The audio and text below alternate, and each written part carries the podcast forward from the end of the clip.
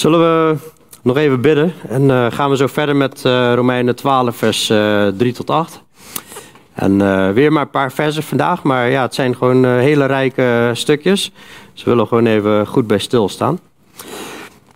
Hemelse Vader, Heer Jezus, dank u wel voor deze middag. Dank u wel dat we zo samen kunnen komen. En ja, zoals we ook hadden gelezen donderdag in 2 Thessalonicenzen 3 dat uh, Paulus opriep om te bidden dat het woord zijn loop mocht hebben en verheerlijk mocht worden. Heer, zo willen we ook vragen, Heer, dat uw woord verheerlijk wordt, dat u verheerlijkt wordt, dat uh, ja, u groot gemaakt wordt ja, door deze preek, maar ook door de uitwerking van de preek, dat we het zullen toepassen in ons leven en u daarmee groot maken. Heer, ik wil ook uh, ja, bidden dat onze harten open mogen zijn en ons verstand open voor uw woord en dat we het goed mogen onthouden en, en, en ja, echt uh, een vertaalslag mogen maken naar ons uh, persoonlijke leven allemaal. Zodat we steeds meer op u gaan lijken en zodat u steeds meer blij wordt van ons en uh, dat we ook meer van uw blijdschap mogen ontvangen. Heer, leid ons zo door uw geest en ja, bidden nogmaals voor ieder die niet fit is, dat u ieder beter maken. En ja, ons een uh, gezegende middag geven. In naam, amen. uh, ja, we zitten dus in uh, Romeinen 12. Ik wil me eigenlijk eerst gewoon uh, even helemaal gaan lezen. Vanaf vers 9 gaan we wel volgende week behandelen. Maar het is al een heel belangrijk gedeelte wat na vers 8 komt. Dus vandaar dat we hem even helemaal lezen. En vers 1 en 2 hebben we vorige week gedaan. En mocht je die uh, gemist hebben, dat uh, staat allemaal online. Ik roep u dan toe op, broeders. Romeinen 12, vers 1. Ik roep u dan toe op, broeders, door de ontfermingen van God, om uw lichaam aan God te wijden als een levend offer. Heilig en voor God welbehagelijk. Dat is uw redelijke godsdienst en wordt niet aan deze wereld gelijkvormig, maar wordt innerlijk veranderd door de vernieuwing van uw gezindheid, uw denken, om te kunnen onderscheiden wat de goede, welbehagelijk en volmaakte wil van God is. Door de genade die mij gegeven is, zeg ik ieder onder u niet hoger te denken dan hij moet denken. Maar laat hij denken in bescheidenheid, naar de mate van het geloof. Zoals God die aan ieder heeft toebedeeld. Want zoals wij in één lichaam vele leden hebben en de leden niet alle dezelfde functie hebben, zo zijn wij, hoewel vele, één lichaam in Christus, maar ieder afzonderlijk leden van elkaar. En nu hebben wij genadegaven, onderscheiden naar de genade die ons gegeven is. Het zij profetie naar de mate van het geloof. Het zij dienstbetoon in het dienen. Het zij wie onderwijst in het onderwijzen. Het zij wie bemoedigt in het bemoedigen. Wie uitdeelt in oprechtheid en wie leiding geeft met inzet. Wie zich over anderen ontfermt met blijmoedigheid. Laat de liefde ongeveinsd zijn. Heb een afkeer van het kwade en houd vast aan het goede. Heb elkaar hartelijk lief met broederlijke liefde. Ga elkaar voor in eerbetoon. Wees niet traag wat uw inzet betreft. Wees vurig van geest. Dien de Heere. Verblijd u in de hoop. Wees geduldig in de verdrukking, volhard in het gebed. Wees deelgenoot in de noden van de heiligen en leg u toe op de gastvrijheid. Zegen wie u vervolgen. Zegen hen en vervloek hen niet. Verblijd u met hen die blij zijn en huil met hen die huilen. Wees eensgezind onder elkaar. Streef niet naar de hoge dingen, maar houd u bij de nederige. Wees niet wijs in eigen oog. Vergeld niemand kwaad met kwaad, Wees bedacht op wat goed is voor alle mensen. Leef zo mogelijk, voor zover het van u afhangt, in vrede met alle mensen. Wreek uzelf niet, geliefde, maar laat ruimte voor de toorn. Want er staat geschreven: Mij komt de wraak toe, ik zal het vergelden, zegt de Heer. Als dan uw vijand honger heeft, geef hem te eten. Als hij dorst heeft, geef hem te drinken. Want door dat te doen zult u vurige kolen op zijn hoofd hopen. Word niet overwonnen door het kwade, maar overwin het kwade door het goede. Nou, vooral het laatste deel, dat geeft heel erg de houding aan van de christen, zoals hij zou moeten zijn. Maar goed, die, die zien we hier in vers 3 zo ook al terug. Maar goed, ik heb de titel even genoemd als eenheid God en mensen dienen. En wij zijn het lichaam van Christus en het is ook een, een beeld hè, dat wil laten zien dat wij één zijn, aan elkaar geschakeld en als eenheid moeten opereren samen. En ik wil vandaag eigenlijk vier punten behandelen. En wat, wat gaat eraan vooraf voordat je gaat wandelen in de gaven? Wat gaat eraan vooraf? We hebben het kort over de, of kort, we hebben het over de houding van een christen. Nou, dat zie je al in het tweede deel van Romeinen 12 heel sterk terug. Maar willen we toch even bij stilstaan. Dan willen we het hebben over, uh, of wil ik het hebben over het doel van de gaven. Wat is daar nou het doel van? En dan gaan we het hebben over de gaven zelf. Nou ja, wat gaat eraan vooraf? Dat is het eerste punt wat we bespreken. We hebben natuurlijk vorige keer de preek gegeven over Romeinen 12, vers 1 en 2. Dat gaat natuurlijk vooraf aan vers 3 natuurlijk.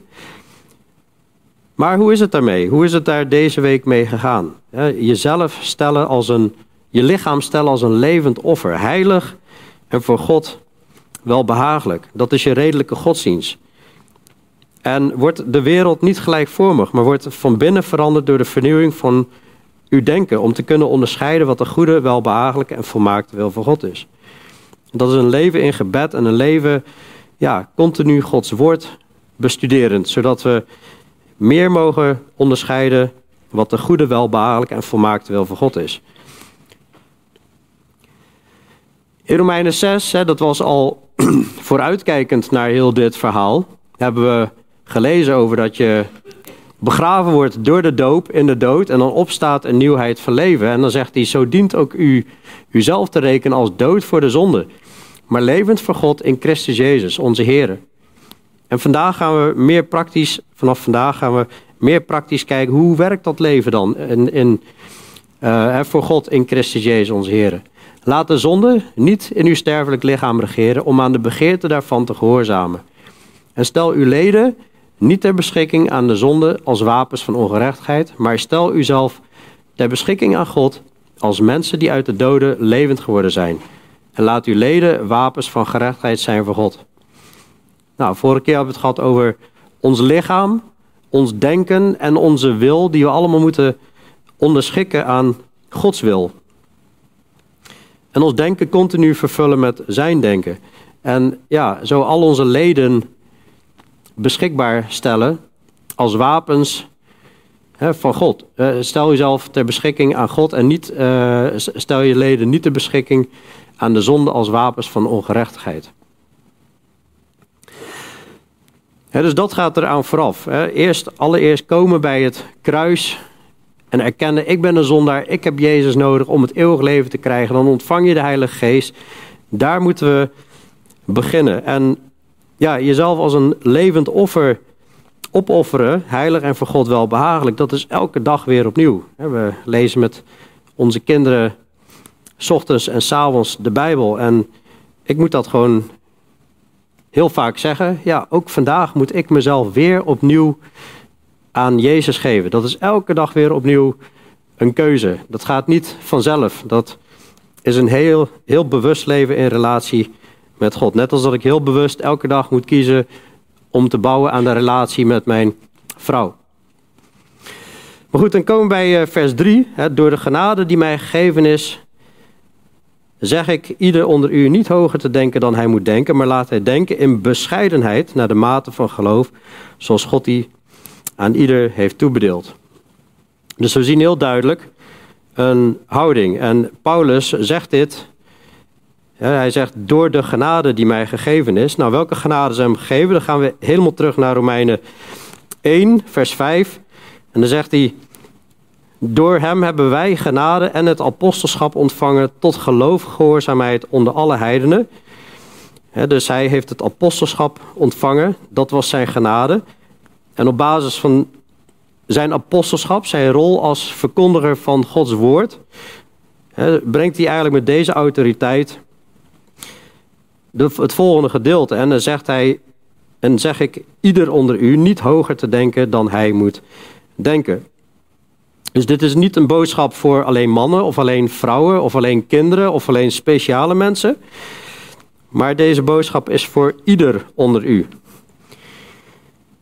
En voor ieder onder u geldt, dus ook voor mij, vul je naam maar in, dat we niet hoger moeten denken. Niet hoger te denken dan hij moet denken over jezelf, maar laat, laten we allemaal denken over onszelf in bescheidenheid. Naar de mate van geloof.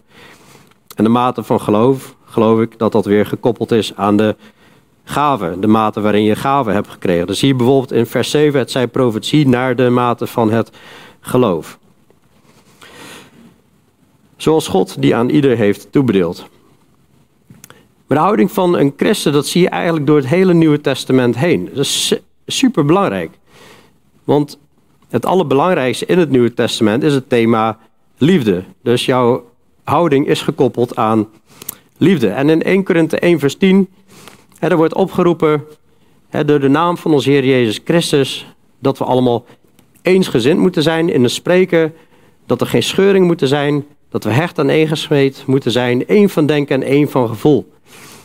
Hè, dus we moeten, het doel van de gemeente is dat we echt heel hecht aan één geschakeld zijn. En, en dat ja, niet iemand een houding gaat aannemen van nee, maar wacht even, ik ben een veel belangrijkere schakel. Of ik ben, moet je eens kijken wat ik allemaal kan. dat is wat hij hier eigenlijk aan het zeggen is. niet hoger te denken dan hij moet denken, maar laat hij denken in bescheidenheid. En er staan heel veel, ja, eigenlijk wel waarschuwingen van om op te letten op onze houding. En dat heeft ook te maken met, zie je in 1 Korinthe 3 vers 1, dus zegt Paulus, ik broeders kon tot u niet spreken als tot mensen die geestelijk zijn, maar als tot mensen die nog vleeselijk zijn, als tot jonge kinderen in Christus. Ik heb u met melk gevoed en niet met vast voedsel, want u kon dat nog niet verdragen. Ja, u kunt dat ook nu nog niet. Want u bent nog vleeselijk. Als er immers onder u afgunst is en ruzie en tweedracht, bent u dan niet vleeselijk en wandelt u dan niet naar de mens dus dit is, een, dit is een houding van ik gun de ander iets niet en ruzie maak en, en tweedracht. En dat komt natuurlijk vanuit het vlees, vanuit de natuurlijke mens. En God wil dat we geestelijk gaan wandelen. Dat we onszelf aan de kant zetten. Niet hoger denken dat je moet denken over jezelf, maar denken in bescheidenheid en denken aan wat belangrijk is voor de ander. Dit is hoe in de wereld vooral gedacht wordt. gewoon afgunst, ruzie, tweedracht. Hij zegt dat is vleeselijk, dat is die oude mens, dat moet afgelegd worden. En het is wel heel belangrijk dat we dat beseffen, want ook hier in 1 Korinthe wordt opgeroepen om te wandelen in de gaven, maar eerst gaat hij wel dealen met allemaal problemen in de gemeente van vleeselijkheid waarmee afgerekend moet worden. Ook in de Filippenzenbrief zien we dus dat uh, ook echt gekeken moet worden naar onze houding nou, meer dan alleen maar kijken, een, een oproep om echt iets te gaan doen met onze houding. Filippenzen 2 vers 1. Als er enige bemoediging is in Christus, als er enige troost is van de liefde, als er enige gemeenschap is van de geest, als er enige innige gevoelens en ontfermingen zijn. Hè, dus dat gaat ook over dat we echt van binnen gevoelens en ontferming voor elkaar mogen hebben. En daar kun je ook voor kiezen om dat te hebben. Dat is niet iets wat per se altijd automatisch gaat, maar waar je echt voor kan kiezen. Maak dan mijn blijdschap volkomen. Doordat u eensgezind bent, dezelfde liefde hebt, één van ziel bent en één van gevoelen. Doe niets uit eigen belang of eigendunk, maar laat in nederigheid de een de ander voortreffelijker achter dan zichzelf. Laat een ieder niet alleen oog hebben voor wat hem, van hemzelf is, maar laat een ieder oog hebben voor wat van de ander is. Dus je ziet, geen eigen belang. Geen eigendunk. Oog hebben voor wat van de ander is. En niet alleen maar oog hebben voor wat voor jezelf is, zeg maar. En dat is het risico als we dat wel gaan hebben. Als we gaan denken van, oh, ik vind dit heel, heel belangrijk. En je verliest helemaal uit het oog wat belangrijk is voor de hele gemeente, voor elkaar, zeg maar. Dan kom je in zo'n plek waarin, uh, waar Paulus het over heeft, hè, dat je dan misschien hoger gaat denken dan je zou moeten denken. Maar de oproep is om te denken in bescheidenheid, naar de mate van geloof zoals God die aan iedereen heeft toebedeeld. En God heeft aan iedereen iets toebedeeld. Laat daarom die gezindheid in u zijn die ook in Christus Jezus was. En dan gaat hij helemaal uitleggen welke gezindheid er in Christus Jezus was. Maar dat sla ik heel even over. En dan gaan we Filippenzen 2 vers 14. Doe alle dingen zonder morren en meningsverschillen. Opdat u onberispelijk en oprecht zult zijn. Kinderen van God, smetteloos te midden van een verkeerd en ontaard geslacht. Waaronder u schijnt als lichten in de wereld. Door vast te houden aan het woord van het leven. Mij tot roem met het oog op de dag van Christus. Dat ik niet te vergeefs heb hardgelopen en mij ook niet te vergeefs heb ingespannen. En Paulus wil echt dat we, roept echt op namens God dat we echt onberispelijk oprecht zijn, smetteloos, te midden van een verkeerd geslacht. En ja, en dan schijnen wij als sterren. Dan zijn we echt totaal anders dan de wereld. Dat, dat ze hier echt een stukje hemel op aarde mogen ervaren. En ook de houding met onze uh, tong, hoe wij onze tong gebruiken. Daar spreekt bijvoorbeeld Jacobus over. En wat wij zeggen, wat we, hè, wat we denken is één, maar wat we zeggen is. Daar, daar kun je een gemeente heel sterk mee opbouwen of je kunt heel veel verwoesten. Hè, Jacobus die spreekt over de tong, dat de tong kan geen mens stemmen. Ze is een niet te bedwingen kwaad, vol dodelijk vergif. Door hij door haar loven wij God en de Vader en door haar vervloeken wij de mensen die naar de gelijkenis van God gemaakt zijn. Uit dezelfde mond komen zegen en vervloeking voort. Dit behoort zo uh, niet zo te zijn, mijn broeders. Laat soms een bron uit dezelfde ader zoet en bitter water opwellen. Kan ook mijn broeders een vijgenboom olijven voorbrengen of een wijnstok vijgen? Evenmin kan een bron zout en zoet water voorbrengen. Dus ja, of je ziet het werk van God of je ziet ja, schade aangericht worden. Het kan niet tegelijkertijd, zegt hij. In 1 Johannes 3, vers 10 zien we ook: Hieraan zijn de kinderen van God en de kinderen van de duivel te herkennen. Ieder die de rechtvaardigheid niet doet, is niet uit God. Evenmin als hij die zijn broeder niet lief heeft. Want dit is de boodschap die u vanaf het begin gehoord hebt: dat wij elkaar moeten liefhebben. Nou, elkaar liefhebben is gewoon ja, de ander belangrijker vinden. Niet te hoog denken over jezelf. Niet meer dan je zou moeten denken. Niet hoger te denken dan hij moet denken, maar laat hij denken in bescheidenheid. En als wij ja, de ander eigenlijk een beetje, hoe moet je dat zeggen, we houden er geen rekening mee en we gaan onszelf centraal zetten in plaats van de broeders en zusters en de gemeente. Ja, ben je dan de ander lief aan het hebben? En hier staat best wel harde taal van hieraan zijn kinderen van God en de kinderen van de duivel te herkennen als je je broeder niet lief hebt, dan zegt hij eigenlijk gewoon, ja, daaraan zijn de kinderen van de duivel te herkennen. Dus dat is best wel een serieuze oproep hè, om ons goed, om hier goed over na te denken. Hè. Dus, en niet dat ik nu, nu aan het leren ben dat je uit werken dus kind van God kan worden, maar daar hebben we het uitgebreid over gehad in de Romeinenbrief. We zijn gered uit genade door het geloof, maar we hebben het hier over de, de vrucht van de wedergeboorte. De vrucht van de geest, hè, dat is liefde. Het is blijdschap, het is vrede, het is geduld, vriendelijkheid, goedheid, geloof, zachtmoedigheid en zelfbeheersing. Daartegen richt de wet zich niet. Maar wie van Christus zijn, hebben het vlees met zijn hartstochten en begeerten gekruisigd. Als wij door de geest leven, laten wij dan ook door de geest wandelen.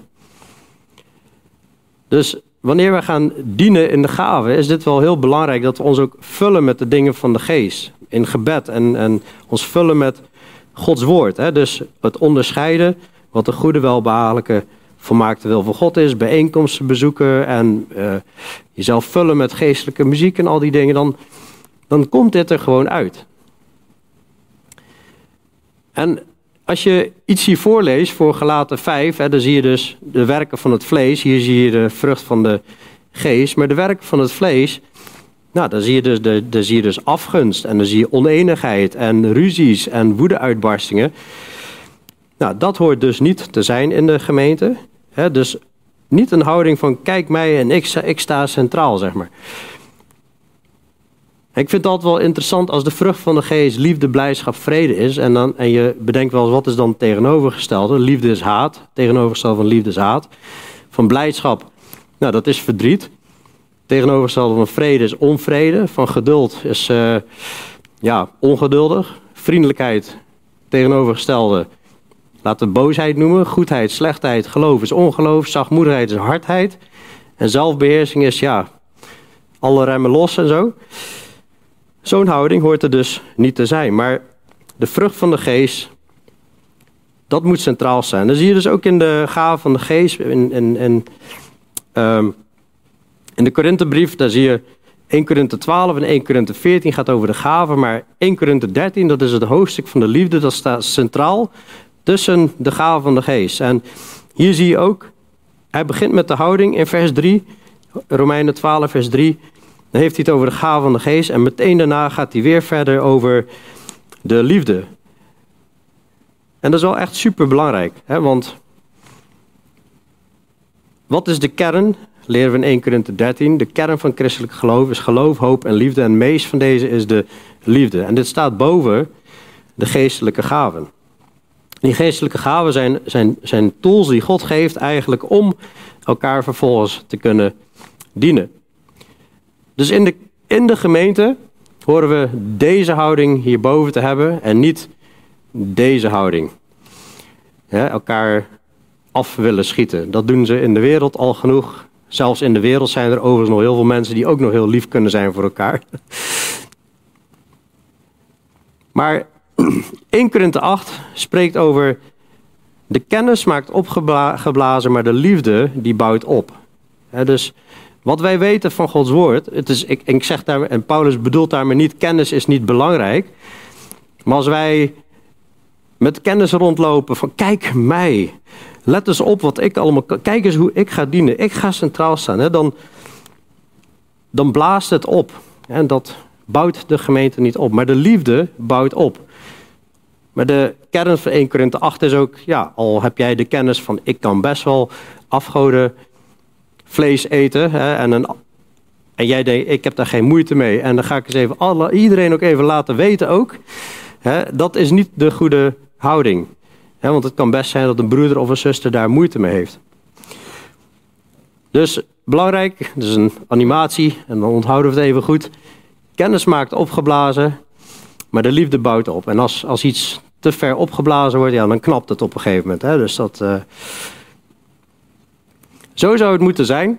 De liefde centraal. En als je heel goed zoekt, dan zie je daar nog die twee poppetjes die, uh, die machinegeweren hebben, zeg maar. Maar die, die hoor je eigenlijk bijna niet te zien. En ik weet, we zijn nog niet in de hemel. En we leven nog op aarde, dus dat moet steeds minder, minder, minder, minder worden. Dat bijna niet meer te vinden is in de gemeente. En uh, ja, dat dit echt mag groeien. En dat staat ook zo op onze website. Zo'n zo gemeente willen we echt zijn. Loving God and loving people. dat we echt uh, om elkaar geven en echt zoeken, hoe kan ik de ander dienen? Hoe kan ik de ander blij maken? Hoe kan ik de ander helpen? Hoe kan ik de ander bemoedigen en troosten? En dat gaat tegen onze oude natuur in vaak. Belangrijk is ook om te beseffen dat dit het werk van de Heilige Geest is. En we hebben in Romeinen 8 al gelezen, als iemand de geest van God niet heeft, behoort hij God niet toe. Wat doet de Heilige Geest? In de duisternis overtuigt hij de wereld van zonde, gerechtigheid, oordeel en oordeel. Hij, hij openbaart Jezus, hij houdt de antichrist tegen. Maar voor de christen, en niemand kan zeggen, Jezus is Heer dan door de Heilige Geest. De, de, de Geest verheerlijkt ook Jezus lezen we in Johannes. Hij, hij, de Heilige Geest, dat geeft al aan, hij bewerkt ook levensheiliging. En een ander ding wat de Heilige Geest doet, is dus gaven geven. En hij is ook de helper en de trooster. Maar als wij niet bezig zijn Jezus te verheerlijken, als wij niet bezig zijn met levensheiliging, ja, hoe zullen die gaven dan echt eruit gaan komen? want blust de geest niet uit en dat, dat kan dus op verschillende terreinen. De geest werkt op ja, laat ik het even zo noemen, verschillende levels. En daarmee bedoel ik niet, je moet eerst level 1 hebben gehaald en dan komt level 2 en 3. Maar hij werkt op verschillende lagen tegelijkertijd. Hè? Dus in het verheerlijken van Jezus, in de levensheiliging en in het geven van gaven. En tegelijkertijd is dat allemaal verweven met elkaar. Maar we moeten de geest niet uitblussen, de geest niet bedroeven, maar ons vullen met de geest in al deze aspecten. En dat is wandelen in het licht. En dan gaat Gods geest heel krachtig werken. Dus dat even over de houding van een christen. En dan gaan we natuurlijk volgende keer ook nog verder over door, over al die dingen die we, over al die dingen die we hebben gelezen in vers 9 tot 21. En dat is gewoon geweldig als we zo mogen wandelen, want dan krijg je gewoon echt een stukje hemel op aarde. Dan krijg je echt een intense blijdschap. Nou goed, dan zien we dus dat de geest die geeft gaven. Dat zien we, um, nou ja, oké, hier staat niet letterlijk dat de Heilige Geest gaven geeft, maar in ieder geval in uh, 1 Korinthe 12 worden ze het wel. Uh, vers 7 staat, aan ieder echter wordt de openbaring van de geest gegeven tot wat nuttig is voor de ander. En dan gaat hij het hebben over de gave van de geest. Dus de geest die deelt uit tot wat nuttig is voor de ander. En wat is het doel nou van die gave? Het doel van de gave dat is om als eenheid samen op te gaan. Als een lichaam van Christus. Een lichaam is gegeven aan ons, als we even kijken naar ons eigen lichaam, is een lichaam aan ons gegeven met het doel dat dat lichaam in zijn geheel opereert. Een gezond lichaam opereert in zijn geheel gewoon als een eenheid. Het is heel vervelend als jij de deur uit wil gaan en jouw ene been wil de deur uit en de andere been wil binnenblijven. Dat wordt heel erg ingewikkeld. Ga je allemaal rondjes draaien of tegen muren oplopen en uh, dat is niet de bedoeling van een lichaam. Dus dat is wat ik bedoel met als eenheid samengaan. Maar heel vaak zie je dit eigenlijk terug in kerken. En misschien bij ons ook wel een stukje. Dat is voor onszelf aan onszelf om te onderzoeken. dat het arm niet meer aan de been vastzit en de been niet meer aan het lichaam en het hoofd, ja, dat. Oh, is er ook nog ergens een hoofd? Oh ja, een heel klein hoofdje daar. Maar die arm die is wel heel belangrijk. Hè? Kijk eens hoe groot die is en indrukwekkend. Dat is heel belangrijk. Hè? Dus kerken die gaan heel sterk de nadruk leggen op bepaalde onderdelen in de Bijbel, buitenproportioneel. Zo zie je dat bijvoorbeeld wel eens met de tekengaven. Hè, dat uh, sommigen daar zo mee bezig zijn. En een cursus hier en een cursus daar. Maar hoe zit het dan met de andere gaven? Het doel van de gaven is Gods wil samen uitvoeren, als eenheid samengaan, als lichaam van Christus. En de gaven zijn dus tot nut van de ander, tot opbouw van het lichaam van Christus.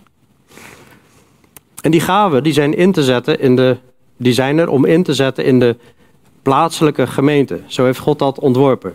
Natuurlijk is er een wereldwijde gemeente.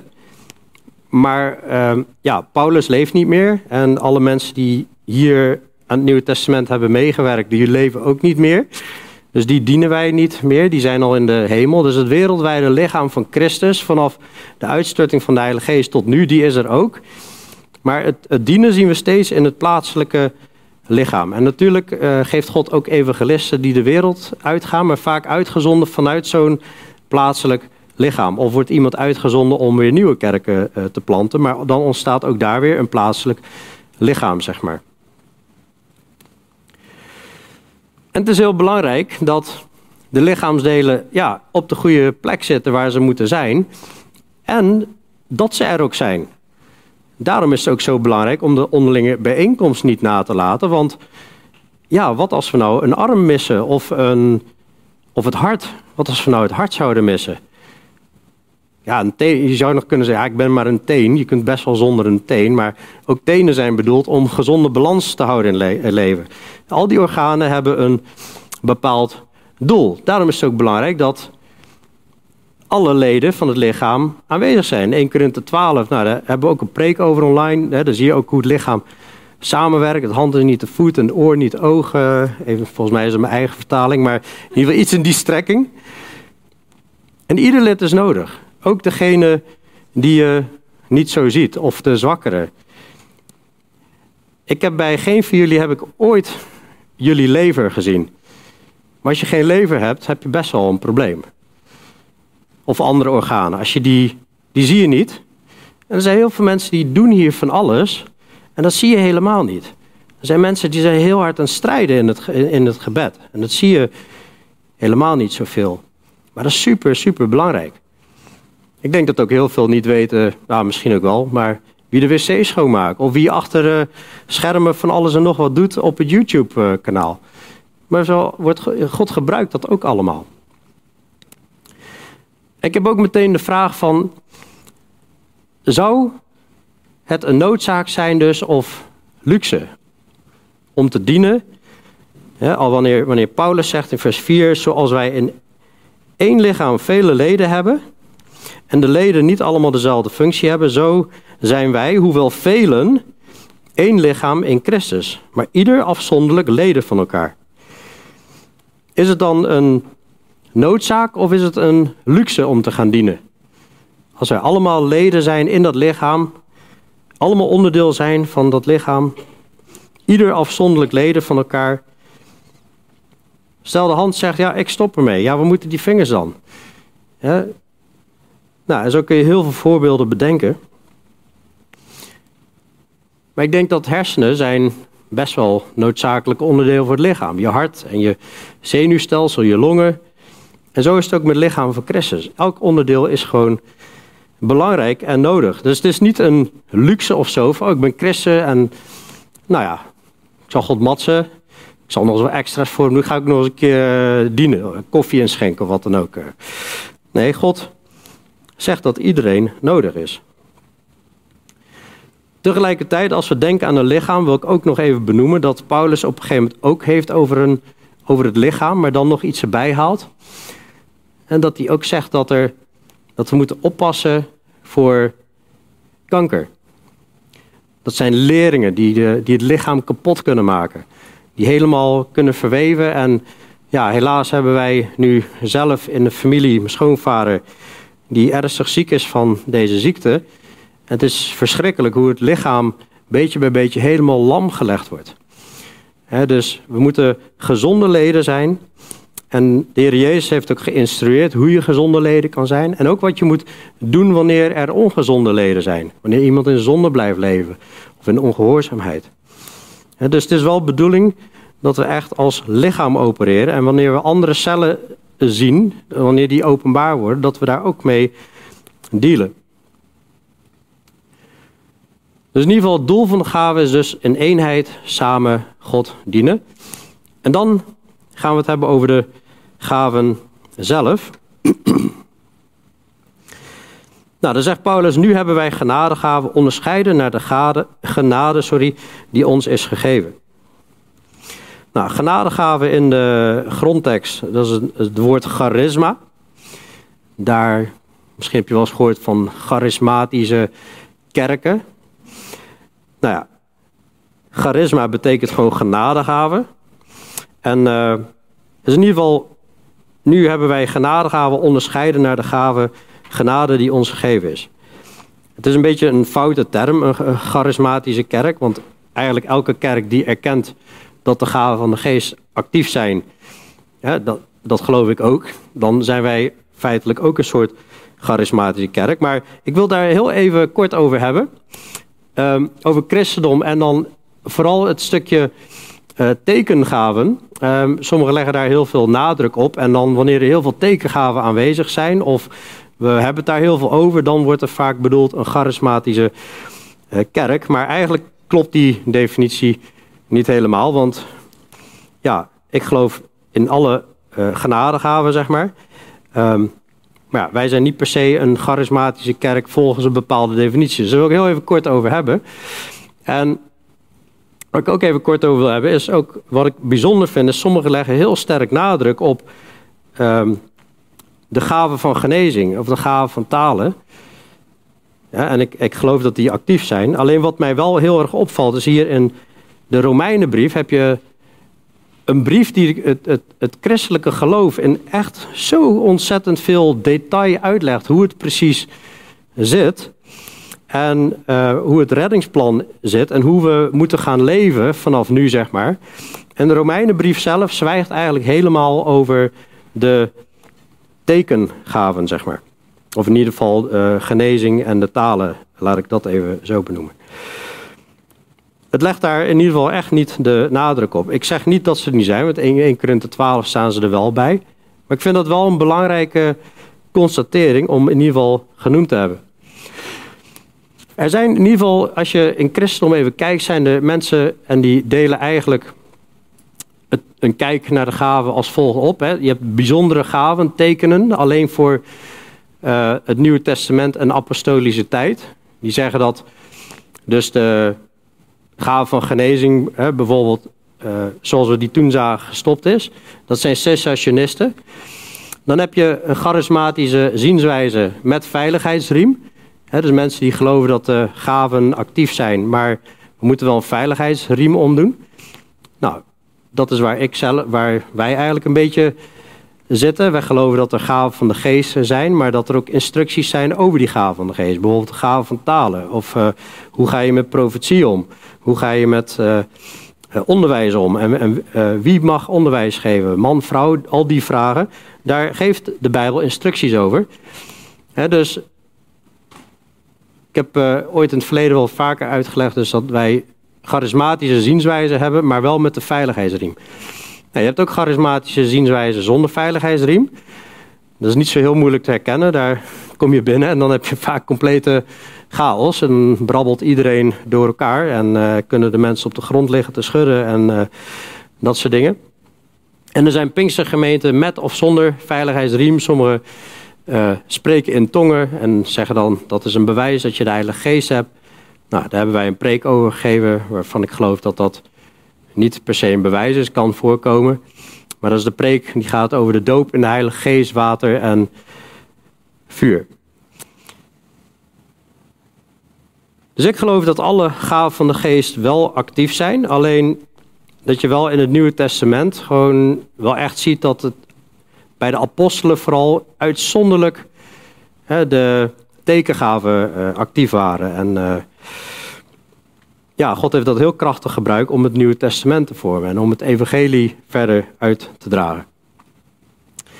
En op dit moment zie je dus eigenlijk, uh, of ik zeg op dit moment, maar in ieder geval hier zie je in vers 7 tot en met 8 zie je een aantal gaven. En ja, hier heb ik eigenlijk vanuit Romeinen 12, 1 Korinthe 12 en Efeze heb ik eigenlijk alle gaven op een rij gezet. je hebt bijvoorbeeld de gave van profetie, van dienstbetoon, van onderwijzen, van bemoedigen, van uitdelen, financieel uitdelen, leiding geven, ontfermen over anderen, woord van wijsheid, woord van kennis, geloof, genadegave van genezingen, werking van krachten, onderscheiden van geesten, allerlei talen, uitleg van talen, bestuurlijke gaven of administration, zeggen ze in het Engels. Je hebt de apostelen, evangelisten, herders en de leraars. Dus er zijn eigenlijk best wel wat gaven van de geest, als je het zo bij elkaar opzomt. En uh, nou, ik heb een paar tussen haakjes gezet. Bijvoorbeeld deze, leiding geven, heb ik even tussen haakjes gezet, omdat dat ergens ook wel hoort bij herders en leraren. En tegelijkertijd kan dat ook wel ook nog los voorkomen van herders en leraren. Bijvoorbeeld als iemand uh, het kinderwerk leidt, kan die daar ook een gave voor hebben. Maar dat is niet per se ja, uh, het, het herder-leraarschap, zeg maar. Nou, hier heb je in ieder geval in uh, Romeinen 12, vers 7. Hè, daar begon in vers 6. Nu hebben wij genadegaven onderscheiden naar de genade die ons gegeven is. Het zij profetie naar de mate van het geloof. Het zij dienstbetoon in het dienen. Het zij wie onderwijst in het onderwijzen. Het zij wie bemoedigt in het bemoedigen. Wie uitdeelt in oprechtheid. En wie leiding geeft met inzet. Wie zich over anderen ontfermt met blijmoedigheid. Nou, profetie. Als we daar naar gaan kijken. Daar heb je ook een veiligheidsriem voor. Je hebt profeten in het Oude Testament, profeten in het Nieuwe Testament. En ja, Jezus, of ja, Hebreeën 1 Vers 1 zegt zelf, vroeger heeft God gesproken door de profeten, maar in de laatste dagen door de zoon. Tegelijkertijd heb je ook apostelen en profeten in Efeze 2 en 3 die het fundament, de Bijbel, hebben gelegd, zeg maar. Maar 1 Korinthe 14 vers 3 spreekt over wanneer iemand profeteert, spreekt die woorden van vermaning, opbouw en troost. En dat kan dus ook zijn dat je gewoon bijbeltekst deelt ter vermaning, opbouw of troost. Het komt in het Nieuw Testament niet heel veel voor dat mensen echt buiten de apostelen om hè, en, en, en de profeten die het Nieuw Testament hebben geschreven, dat mensen echt veel toekomstvoorspellingen doen. Je ziet het wel, bijvoorbeeld Agabus, die voorspelt een hongersnood.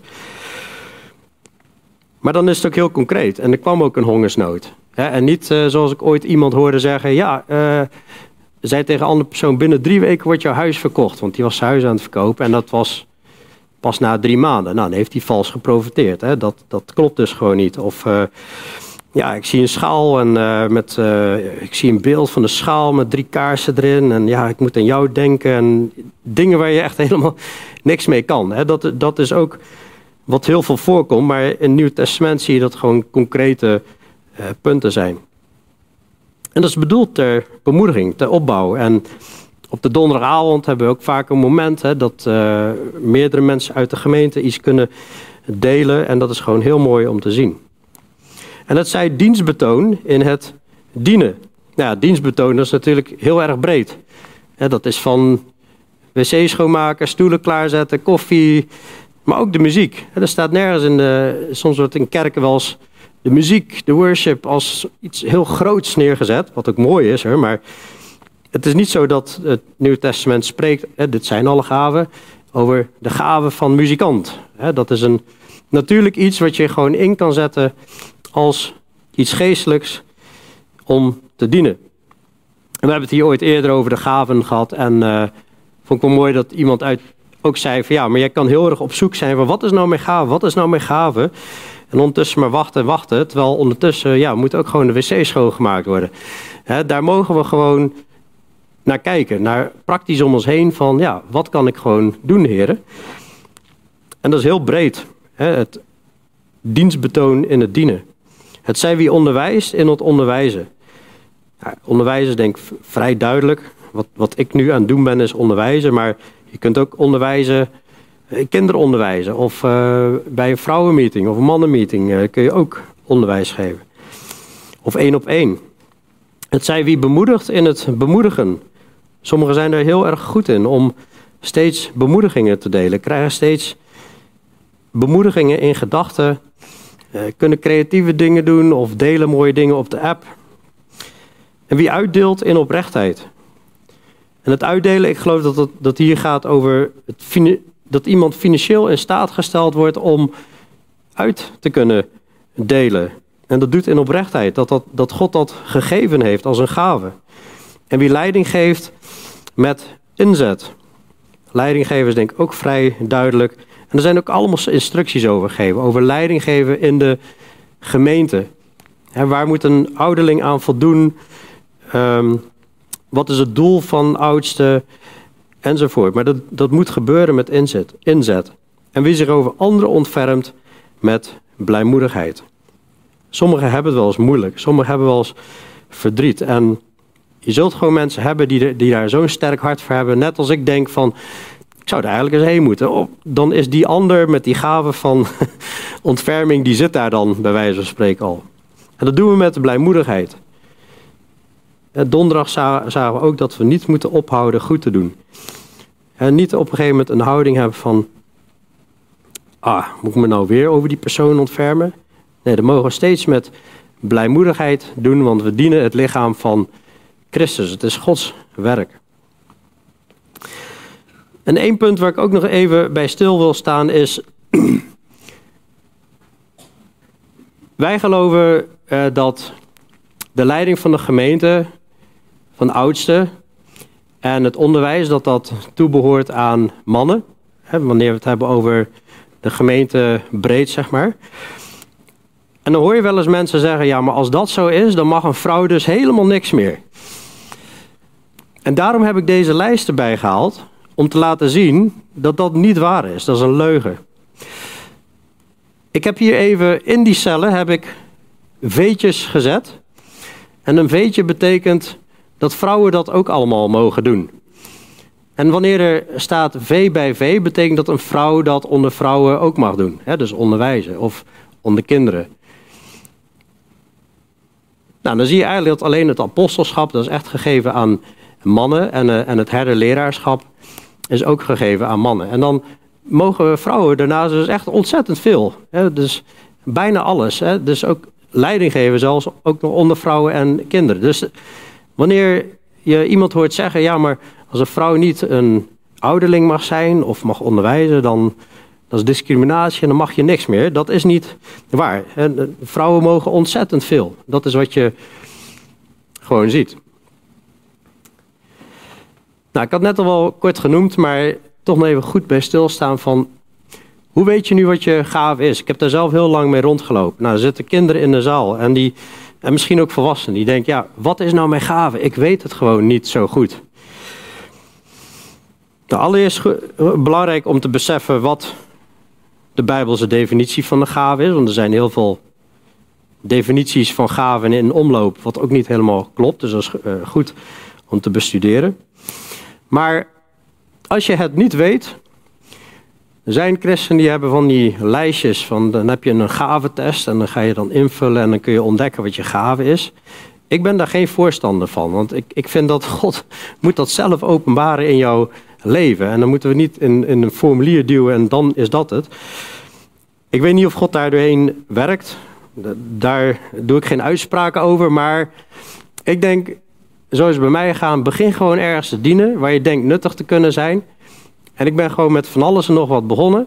En op een gegeven moment ging ik uh, ja, werk doen als een penningmeester in een kerk. En dan raak je verwikkeld in van, oh, waarom doet iemand dit zo en zo? En waar komt dit getal vandaan? En zo kom je dus in, in, in het leidinggevende en begon ik te onderwijzen. En is, is dat gewoon gegroeid. Maar ik ben gewoon maar ergens begonnen en God heeft gewoon het verder geleid. Ik geloof ook in het Bijbelse principe van wees trouw in het kleine en God zal je over meer stellen. Ik, weet dat die gelijkenis gaat over het hiernamaals. Wanneer je hier trouw bent geweest, zal God je over meer stellen. Maar ik denk dat dat principe algemeen geldt. Met de kanttekeningen bij dat als God wil dat je heel je leven de koffie doet en dat is Gods wil voor jouw leven, dan is dat gewoon helemaal goed. En dan is dat net zo belangrijk als wat een voorhanger doet of een evangelist, waar elke week honderd mensen tot geloof komen. Je moet gewoon echt zoeken, wat wil God van mij? En dat is gewoon, als dat zijn wil is, dan, dan ben jij op die manier schat in de hemel aan het verzamelen. Maar het kan zijn dat ik ken weinig mensen die tot geloof kwamen en uh, ineens uh, onderwijzer waren of leraar of ouderling. En sowieso hoort dat ook niet. Maar uh, ik denk dat jullie wel snappen wat ik bedoel met trouw zijn in het kleine. En dan als God meer andere dingen voor jou in petto heeft, dan laat hij het vanzelf wel zien. Maar ondertussen bid. Lees je Bijbel. Sta ermee op. Ga ermee naar bed. Bezoek de diensten trouw. Leef Gods woord uit. Wandel dicht bij hem en dan zal hij het openbaren. En gewoon continu kijken van, is er ergens een nood? Of kan ik ergens iemand bemoedigen? Kan ik ergens mij inzetten voor iemand anders? Nou, en misschien dien je al. Nou, wees dan bemoedigd door deze preek om door te gaan. En dat je mag beseffen, oh ja, het is echt Gods wil wat ik aan het doen ben. En als je nog niet dient, dan zou ik willen oproepen, begin met iets. En als je niet weet wat, er, wat je zou kunnen doen, nou, vraag het mij of Onno. Wij weten van best wel veel noden of dingen die we nog zouden willen. Of uh, misschien kunnen mensen ondersteund worden. Maar laten we samen God groot maken en ons inzetten voor Jezus lichaam. Hecht aaneengesmeed. Echt opererend als een lichaam. En echt zoekend naar niet mijn wil, maar uw wil geschieden. En die houding van niet hoger te denken dan je moet denken, maar ja, het denken in bescheidenheid. met, de, met de gedachte van het lichaam van Christus, Gods wil is belangrijker dan mijn wil. En jezelf dus heel nederig opstellen. En uh, ja, nog even terugkijken, wat gaat eraan vooraf? Jezelf stellen als een levend offer. De houding van de Christus hebben we het over gehad. Het doel van de gave in eenheid opereren. En hoe mooi is het dat God gaven geeft en ja, dat we het ook in werking mogen zien in de gemeente. En uh, als je nog niet in aan het wandelen bent, dan is de oproep om, uh, ja, ga stappen maken en uh, ga zien wat voor mooie dingen God wil doen in je leven. En God wil ieder van ons gebruiken op zijn manier. Zullen we bidden? Hemels Vader, Heer Jezus, dank u wel dat u ja, zoveel hebt gegeven in uw woord over ook dit thema, over de gaven van de geest. Dank u wel dat u gaven geeft, geschenken. Door uw geest om elkaar te dienen en om elkaar blij te maken, te helpen, op te bouwen. En ik wil u danken, Heer, voor uh, iedereen die al aan het dienen is. En uh, wilt iedereen daarin ook zegenen. Heer, en wilt u ook uh, Huis van God blijven bouwen. En ook iedereen beschermen. Ja, die, die gaat dienen. Want we weten ook dat Satan mensen weer onderuit wil halen. Heer, wilt u ja, heel krachtig werken door uw geest, Heer. En geven dat we ook weer, weer snel allemaal bij elkaar kunnen zijn, Heer. Fysiek ook, om gewoon samen te kunnen dienen en opereren als een lichaam. Heer, wilt u het in ons bewerken en ons helpen om, om vurig te zijn en uh, ja, de geest niet uit te blussen? Wilt u ons zo leiden door uw geest en uh, ja, tot uw doel komen met uh, ieder van ons, ook voor de, voor de kinderen of wie ja, nog worstelt met wat kan ik gaan doen. Heer, wilt u ze de, de moed geven en ja, dit vragen we zo in Jezus' naam. Amen.